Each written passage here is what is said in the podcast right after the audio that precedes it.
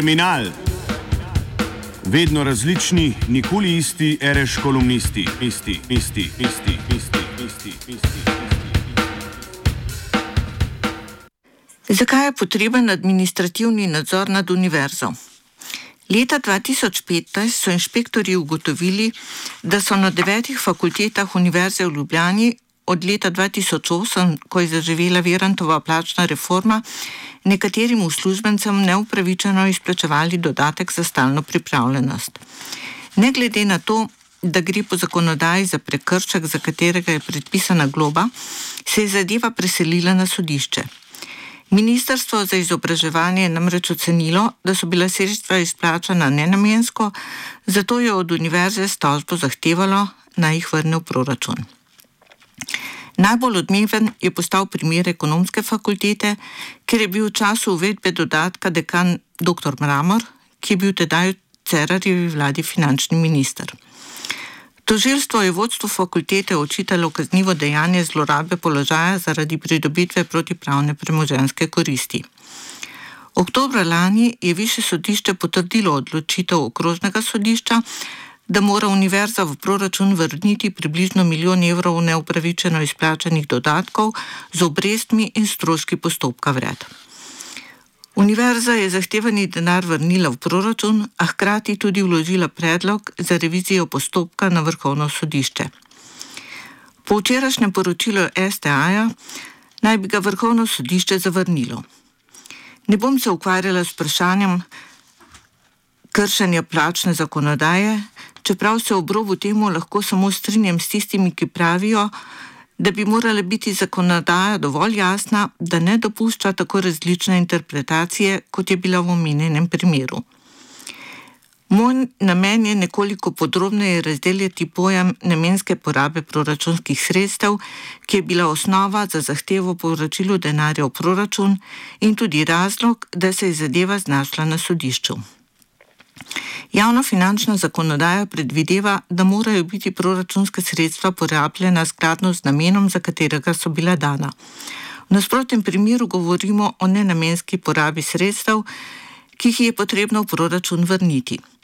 Da bi ugotovili, ali je v omenjenem primeru prišlo do nenamenske porabe sredstev, moramo najprej pogledati način financiranja univerze. Zakon o visokem šolstvu je do leta 2016 določal, da se sredstva iz proračuna zagotavljajo za študijsko dejavnost kot skupna sredstva za univerzo ob upoštevanju študijskega področja ter števila upisanih študentov in diplomantov rednega študija prve in druge stopnje. V vladni uredbi je bilo bolj podrobno določeno, kako se univerza ali fakulteti določi obseg sredstev za študijsko dejavnost. Prav tako je bilo določeno, za katere namene univerza oziroma fakulteta lahko porabita sredstva. Nameni, ki so bili dovoljeni, so plače in drugi izdatki zaposlenih, prispevki delodajalca za socialno varnost, izdatki za blago in storitve, obresti in odplačila kreditov, če je bilo posojilo najeto za financiranje stroškov izvajanja študijske dejavnosti. V primeru, da je bil obseg sredstev dovolj velik, jih je bilo mogoče porabiti tudi za nakup nematerialnega premoženja, nakup in vzdrževanja opreme, investicijsko vzdrževanje ter plačila obresti in odplačila kreditov, v katerim je bilo dano poroštvo države. Če so stroški za izvajanje študijske dejavnosti v koledarskem letu nižji od sredstev za študijsko dejavnost, ki jih je visokošolski zavod dobil od proračuna, in nastane presežek prihodkov nad odhodki, se ta lahko uporablja za upravljanje in razvoj študijske dejavnosti. Nabor namenov, za katere se lahko sredstva porabi, je administrativni nadzor nad univerzo, ki ni skladen z osnovnim principom financiranja študijske dejavnosti, zapisane v zakonu in uredbi. Priprečil naj bi porabo proračunskega denarja za namene, ki študijsko dejavnostjo nimajo nič skupnega. Na nek način je tako določilo ostanek prejšnjega sistema financiranja, ko je država univerzi plačevala toliko, koliko so znašale plače in materialni stroški, in je odraz nezaupanja države do univerze in odraz boleste potrebe po administrativnem nadzorovanju institucije, ki naj bi bila avtonomna. Očitno nadzor prek upravnega odbora, kjer ima država pomembno mesto, ne zadošča ali pa mu država ne zaupa. Fakultete imajo poleg proračuna tudi druge vere financiranja.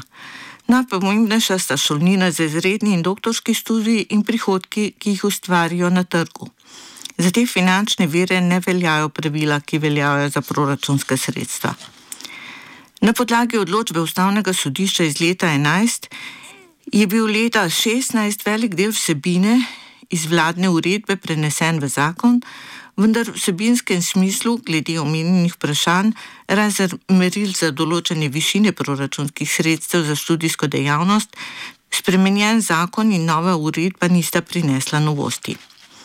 Vsi relevantni pravni akti, tako na področju visokega šolstva, plač kot javnih financ, določajo, da je nenamenska poraba prekršek, ki se sankcionira z globo vendar v nobenem od njih ni natančno določeno, kaj pomeni nenamenska poraba sredstev. Upoštevaje zakon o visokem šolstvu, vladno uredbo in osnovni princip tako imenovanega integralnega financiranja, po katerem univerza dobi denar za izvedbo določene vrste in obsega študijskih programov za določeno število študentov, je torej namensko zagotovljena, če univerza dokaže, da je obljubljeno izvršila. Sodišče ni presojalo v tem duhu. Domnevam, da tudi zato, ker zakon in uredba nista edina pravna podlaga za financiranje. Med univerzo in ministrstvom je letno oziroma štiriletno podpisana tudi pogodba o financiranju. V njej je med drugim določeno, da mora univerza sredstva vrniti v proračun, če niso bila porabljena namensko oziroma če so bila porabljena nezakonito. Torej, pogodba natančneje določi, da je kot nenamenska poraba tudi nezakonita poraba. To pa pomeni, da so bila porabljena proračunska sredstva za izplačilo dodatka za stalno pripravljenost, če so bila izplačana v nasprotju s plačno zakonodajo, dejansko nenamenska poraba. Taka interpretacija nenamenske porabe sredstev je sicer v nasprotju z osnovno logiko tako imenovanega integralnega financiranja univerze. Ta naj bi univerzi dala pro, eh, relativno proste roke, kako bo denar razdelila med svoje članice in kako ga bo porabila. Bistveno naj bi bilo, da izvede naloge, za katere je denar prejela. S tem seveda ne mislim, da sme kršiti zakone, vendar naj se te kršitve obravnavajo skladno s kazenskimi določbami zakonodaje, ki je bila kršena. Trditev, da so bili dodatki za stalno pripravljenost dejansko izplačani iz sredstev, ki jih je fakulteta pridobila na trgu in ne iz proračuna, je po vsej verjetnosti pravilna. Žal to iz računovodskih izkazov ni razbrati, čeprav na to nakazujejo poslovna poročila. Prav tako pred sodiščem očitno ne šteje dosti dejstvo, da bi za plačilo nadurnega dela fakulteta plačala bistveno več, kot je za dodatke.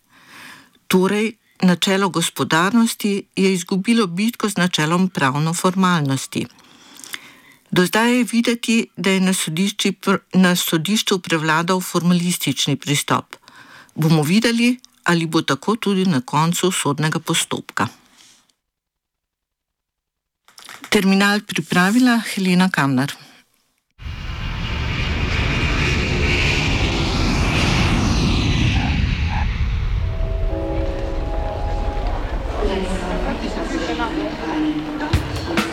Terminal.